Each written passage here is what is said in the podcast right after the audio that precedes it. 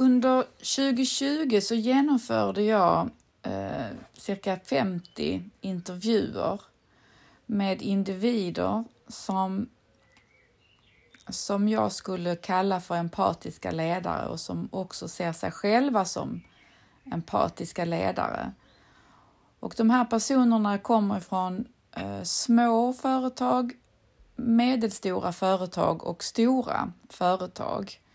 Och de har positioner i det som kallas allmänt för C-suits, alltså alla positioner som börjar med C, CEOs, CIOs, CFO och så vidare.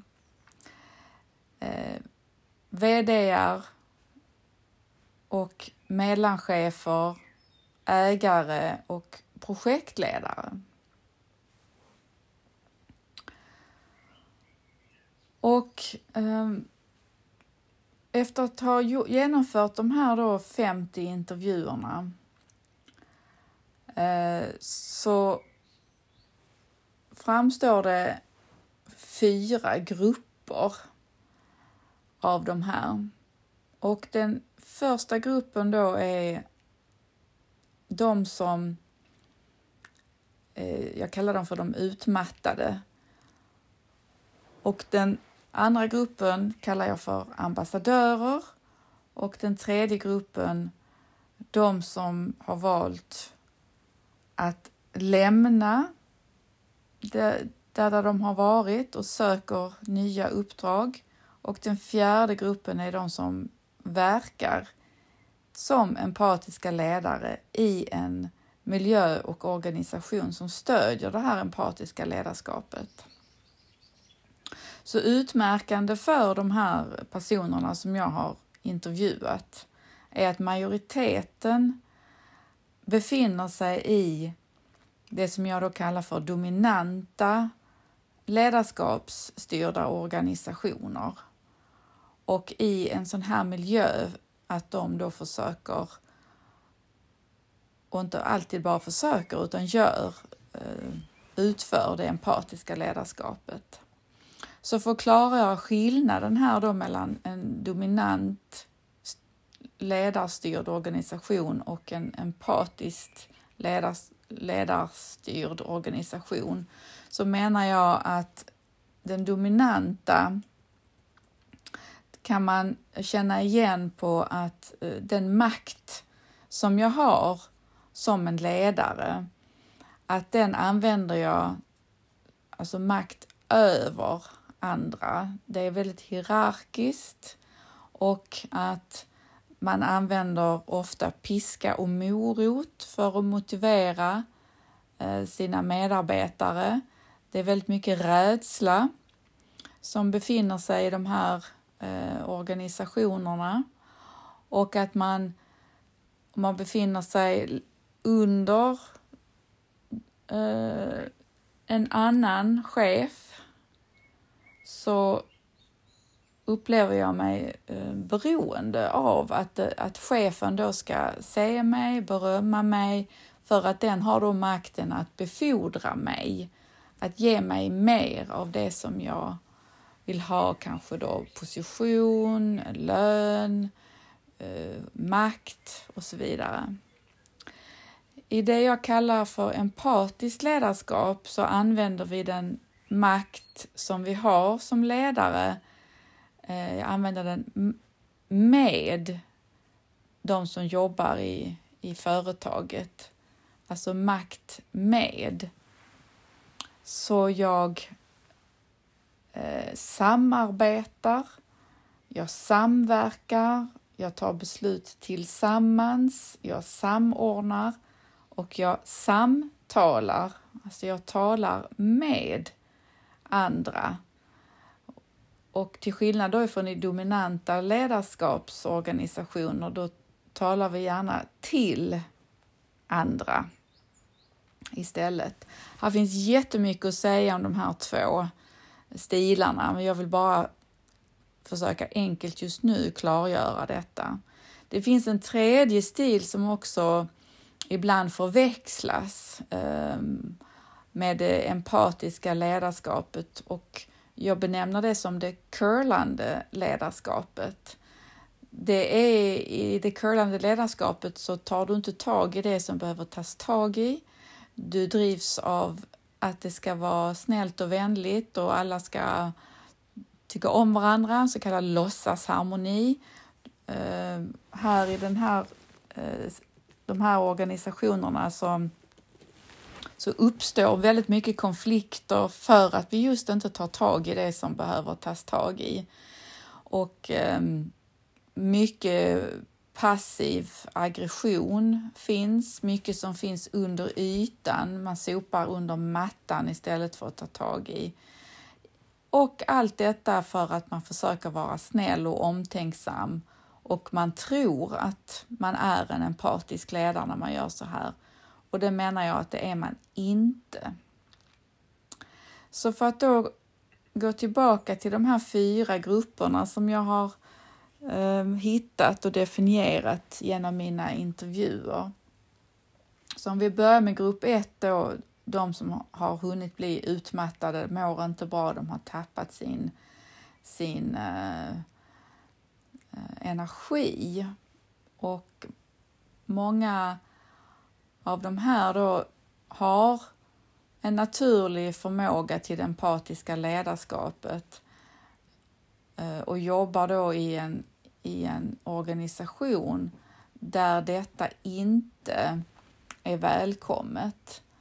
Och de här individerna far väldigt illa av det klimatet som finns i det, i det dominanta, att det är väldigt orderinriktat, man får det är rätt och fel som, som eh, är viktigt och gärna utse syndabockar och så vidare.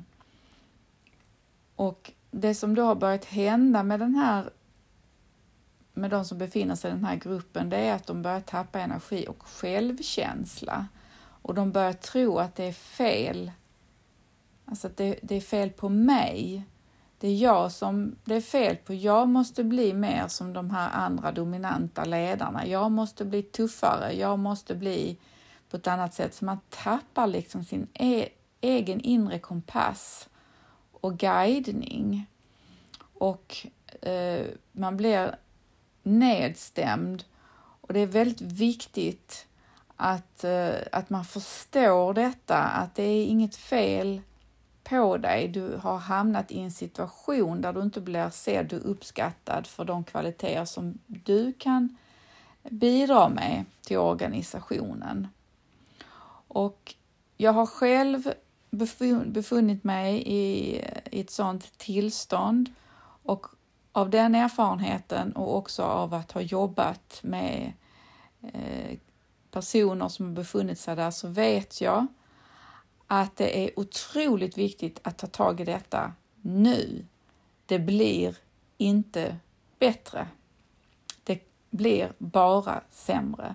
Och ju sämre du börjar må eller om du har en medarbetare som du upplever befinner sig här eller en partner eller en vän eh, så är det verkligen att försöka få den här personen att ta tag i det nu. För ju längre det dröjer desto mindre kraft och energi eh, kommer personen eller du ha om det är du som befinner dig där. Och då blir det svårare att skapa den förändringen som behöver ske. Och du behöver hitta din egen inre kompass igen. Och du behöver förstå att du har stoppat ner dig i ett akvarium med förgiftat vatten. Och så länge som du befinner dig i det förgiftade vattnet så kan du inte göra någonting åt situationen. Så du behöver liksom lyfta dig ut ur det här akvariet för att skapa en överblick över situationen, för att skaffa dig kunskap om vad är det som händer, vad är det för, för vatten jag simmar i, vad gör det med mig? Och vissa som gör det här lyftet då ut ur sin, sitt akvarium Eh, vissa hittar kraften och kan stoppa ner sig själv i det här vattnet igen och arbeta för att, att göra det eh, till en mer empatisk miljö, alltså rena vattnet om vi ska ha den liknelsen med akvariet. Och andra förstår att jag kan inte vara här längre, jag behöver byta miljö. Och den processen att komma till den här klarheten och insikten och hitta sin kraft igen, den kan gå snabbt, det kan också ta väldigt lång tid. Men det första steget är att ta en paus för att få perspektiv. Och den pausen för vissa är en dag, en vecka eller du behöver kanske tre månader eller ett halvår eller längre. Det beror på eh, i vilket skick du befinner dig. Så går vi vidare till eh, grupp två som jag kallar för ambassadörerna. Och de flesta som jag har pratat med eh, och, som jag också märker i min omvärld och när jag hänger med i nyheter och LinkedIn-flöde och så vidare. De flesta verkar befinna sig här i ambassadören. Så att du, du är en ambassadör för det empatiska ledarskapet och du sprider det i din organisation. Och du är, är redo eh, för att utveckla detta empatiska ledarskapet och, och verkligen liksom ta den plats som du längtar efter. Du har din energi på plats och du förstår att jag har massor att ge här och du är också uppskattad för det du bidrar med. Du blir sedd för det och du har framgång i det. Sen kan det finnas stunder när det känns lite motigt och så. Och det som är väldigt viktigt här för att det ska fungera för en ambassadör, det är att individen, att du har eh, din chefs fulla stöd för detta. Eller om du är VD så har du din, eh, din eh, styrgrupps eh, fulla stöd, styrelse menar jag, din styrelses fulla stöd eh, för detta och ägares stöd för det här. De låter dig utöva detta, även om de kanske inte riktigt förstår allting och de Eh, Eh, är lite oroliga och rädda och sånt så har de tillit till dig och till den här ledarskapsstilen som jag kallar för empatiskt ledarskap. Det här verkar vara en förutsättning för att du som ambassadör ska fungera. Och jag har också stött på de individer som, som skapar sig liksom en oas i organisationen där detta ledarskapet um, finns och, och alla medarbetare i den här oasen trivs med detta och får energi av varandra. Så för dig som känner igen dig i det här och, och, att ibland då det kan kännas motigt och det blir lite uppgångar och så, så är det väldigt viktigt att du gör klart för dig själv varför du befinner dig i det här i den här situationen. Varför är du i ett akvarium som också har lite av det dominanta eller kanske rätt mycket av det dominanta? Vad är din drivkraft, ditt syfte till att vara i den positionen som du är i? Och stäm av och säkerställ eh, kontinuerligt med din chef, eller med din styrelse eller med din ägare. Eh, ditt sätt att leda med och, och, visa på framgång och resultat och så vidare så att du hela tiden eh, har en, en dialog eh, pågående. Jag har också förstått att de som lyckas och mår bra i sin ambassadörsroll det är de som tar professionellt eh, stöd på något vis. Det kan vara samtalsstöd genom eh, en coach. Eh, det kan vara att man har någon annan konsult inne eller på något vis hela tiden tar hjälp utifrån en, en extern resurs som, som kan hjälpa dig att ha liksom perspektiv på dig själv som ledare, din omgivning och på organisationen. Och det är väldigt viktigt då för att ambassadören ska fortsätta att växa i detta att, eh, och det är ett kännetecken också för de här ambassadörerna, att de drivs av att utveckla sig själva och sin förmåga. Till exempel att lyssna, att vara mer coachande, att förstå olika personlighetstyper och deras perspektiv och deras drivkrafter. De läser och lär och utvecklar sig inom, de empatis inom det empatiska ledarskapet och är, tycker att det här är roligt och energigivande. Och många av dem också dras till det som nu för tiden kallas för självstyrande organisationer eller medarbetarledda organisationer, TIL, agilt och så vidare, lean. Ehm, och de har också skapat sig en community eh, med likasinnade där de kan prata om detta och, och lära av eh, varandra. Och de har också eh, vad jag kallar det för en, eh, en spyhink. De har en person där de kan helt gå in och kräka av sig, få ur sig sin aggression om vad det är som, som upptar deras eh, energi för stunden. Det är viktigt att man får det ur sig, det som irriterar en, stressar en och så vidare. Fast inte till den som kanske har triggat det här, utan att man har en, en annan person där man känner sig trygg, där man kan fullständigt komma ut med den, ehm, med den reaktionen som lever i en. Och det är väldigt eh, viktigt ehm, att de här ambassadörerna, att du känner till dina egna triggerpunkter och du förstår vad som ligger bakom dem och du lär känna dem och du jobbar med dem för att de inte längre ska vara triggerpunkter. Och med triggerpunkter menar jag, jag brukar kalla dem för hissknappar också, alltså vad, vad är din knapp som någon annan helt plötsligt bara kan gå fram och trycka på så att du ramlar ner i källaren och förlorar din, din fulla kraft och, och mognad och ramlar ner i ett mycket lägre tillstånd av dig själv.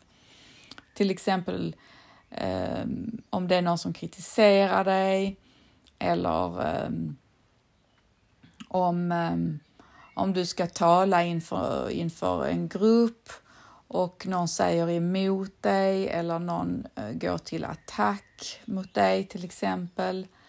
Eller någon ifrågasätter dig eller någon vänder dig ryggen, vill inte längre ha kontakt med dig. Och ibland är det sådana händelser som att eh, någon inte svarar på ett mejl och du börjar få idéer om vad det handlar om, att du upplever dig som avvisad, bortstött och så vidare. Vi har alla de här olika triggerpunkterna och det är oerhört viktigt att känna till dem och jobba med dem så att de suddas ut mer och mer. Vad jag också har förstått genom mina intervjuer att ambassadören har en livspartner eh, och vänner som också står för det här empatiska ledarskapet. Ehm, det är väldigt utmanande för en ambassadör som har en livspartner som inte är där.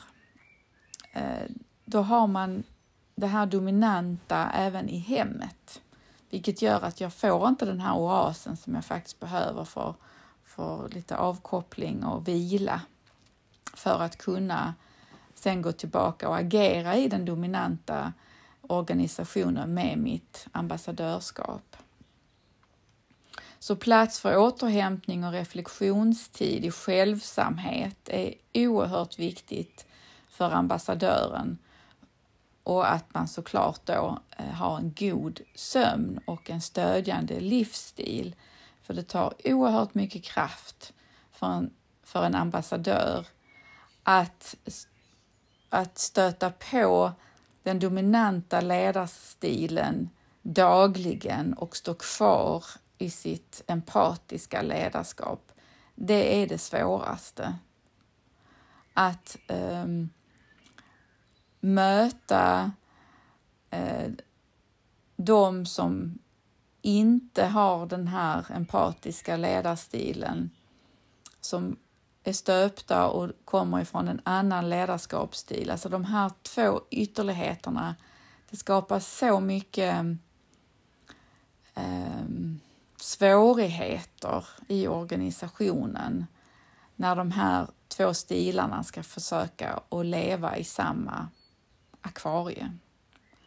Och har man inte klart för sig som ambassadör, ambassadör hur jag ska hantera detta, hur jag ska möta an på det och stå kvar i det. Det är då risken är att jag blir utmattad som grupp 1, jag börjar tappa min kraft eller så vidare. Eller jag kommer till den punkten när nej, jag vill inte vara här längre, det här känns inte meningsfullt. Då hoppar jag till det som jag kallar då grupp 3. Så grupp 3, det är du som, jag kallar dem för sökaren. Jag kommit fram till, jag kan inte vara och jag vill inte vara i det dominanta systemet. Det, det är inte där jag kommer till min rätt, min fulla potential kommer inte fram. Jag eh, är på väg till ett annat ställe och kanske har jag inte hittat det här andra stället. Var ska jag eh, verka någonstans för att komma, komma ut i min fulla potential och komma till min rätt? Ska jag starta eget? Ska jag eh, ta anställning någon annanstans? Liksom, vad ska jag göra? Och om du känner igen dig i detta så kan det vara bra då att försöka få svar på alltså, vad är det som du vill åstadkomma? Även om det ser omöjligt ut just nu, men om du kunde åstadkomma detta då, och, då, och du uppnådde allt, hur, vad skulle det vara för någonting? Och vad är du villig att göra för att, för att detta ska ske oavsett vad? Alltså i den här frågan så Eh, stöter jag på många som vill starta eget, de vill bli VD någonstans, de vill ta det här stora ansvaret och försöka driva en förändring till det empatiska ledarskapet, att, att göra transformationen i en, i en dominant organisation, göra transformationen till det empatiska ledarskapet. Det är någonting som hindrar dem från det. Det kan vara olika trygghetsbehov i form av eh, ekonomi. Eh, jag har kanske inte modet. Jag upplever att jag inte har kunskapen just nu och så vidare. Så det är väldigt viktigt att få fatt i vad hindrar mig från att göra det som jag längtar efter. Och här kan det då igen vara bra att ta lite time out, ta reda på vad säger min längtan? Vad är det jag verkligen vill och vad hindrar mig? Och återigen, att ta professionellt samtalsstöd kan förkorta den här fasen av sökande och börja jobba med eh, det som hindrar mig. Och sen är det ju också då att börja leta efter eh, företag och organisationer där jag kan ehm, agera fullt ut som en empatisk ledare. Det är inte heller det lättaste, märker jag. Och det är vissa som, som väljer att starta eget för att på så sätt eh, bygga upp sin egen kultur och organisation utifrån det de, ehm, de står för. Det är en utmaning att transformera en existerande organisation över till det empatiska ledarskapet. Så då glider vi in på grupp 4. De som är empatiska ledare, verkar som empatiska ledare fullt ut i en organisation som stödjer detta eh, fullt ut. Och med de som jag har intervjuat som befinner sig här. Alltså de är så glada, nöjda, de är fria liksom ifrån sina egna hinder och barriärer och de upplever det som oerhört stöttande i organisationen. Man stöttar varandra, man ser inte varandra som konkurrenter, man håller inte information för sig själv utan istället man delar med sig, man bidrar till varandra, man samverkar, man... Ehm, alla ord på sam gör man. Samtalar, samarbetar eh, och så vidare. Och, ehm, och, och, och att de liksom blommar. De får vara i sitt bästa jag och de växer i det mer och mer och mer och mer och mer. Och samtidigt så har de koll på sina eh, triggers som det finns, liksom, när egots eh, röst kan ju göra sig hörd även där. De är väldigt lyhörda för det och tar tag i det och jobbar med det så att de är styrda utifrån sitt sanna jag och inte ifrån sitt präglade jag, alltså från sitt ego. Och de har också en livsstil som, som stödjer att leva som en empatisk ledare fullt ut. Och de, de taktar med sig själv, brukar jag säga. Alltså de, de har inte det här fruktansvärda tempot som, som många har, eh, utan de har hittat en balans i livet där de samtidigt kan ta hand om sig själva. De kanske mediterar, gör sin yoga, de tränar, de är måna om vad de äter och sover och så vidare. Och samtidigt är de väldigt produktiva i sin roll som en empatisk ledare och, och de gör alltså rätt sak där, där de sätter in sin eh, stöd, så att säga, det de lägger sin energi och tid på, det är helt den rätta saken som bidrar mest. Så att de springer inte omkring överallt och gör lite överallt sådär, utan det är väldigt fokuserat och det de gör, det bidrar till eh, tillväxt, till eh, eh, det goda så att företaget fortsätter att växa och utvecklas. Eller helt enkelt fortsätter att eh, röra sig i, i samklang med det syftet som drivs som organisationen har och som man driver gemensamt. Det är, det är ofta en syftestyrd organisation som alla köper in på. Så att mina handlingar som jag gör, de, de är helt kongruenta med det övergripande syftet för organisationen som också är mitt eget individuella syfte som jag, som jag brinner för. Och de har rensat bort allt sånt som inte stödjer dem i detta. Alltså vanor och vänner och saker och mat och allt sånt som, som inte är i samklang med det här övergripande syftet, det har de rensat bort i sina liv. Och de har lärt sig att kommunicera på ett sådant sätt så att de blir tydliga, de blir direkta och de kan också höra andra människor där de är. Det var en kort överblick av de här fyra olika grupperna som jag har identifierat genom mina intervjuer med då cirka 50 empatiska ledare, alltifrån ägare till projektledare um, under 2020.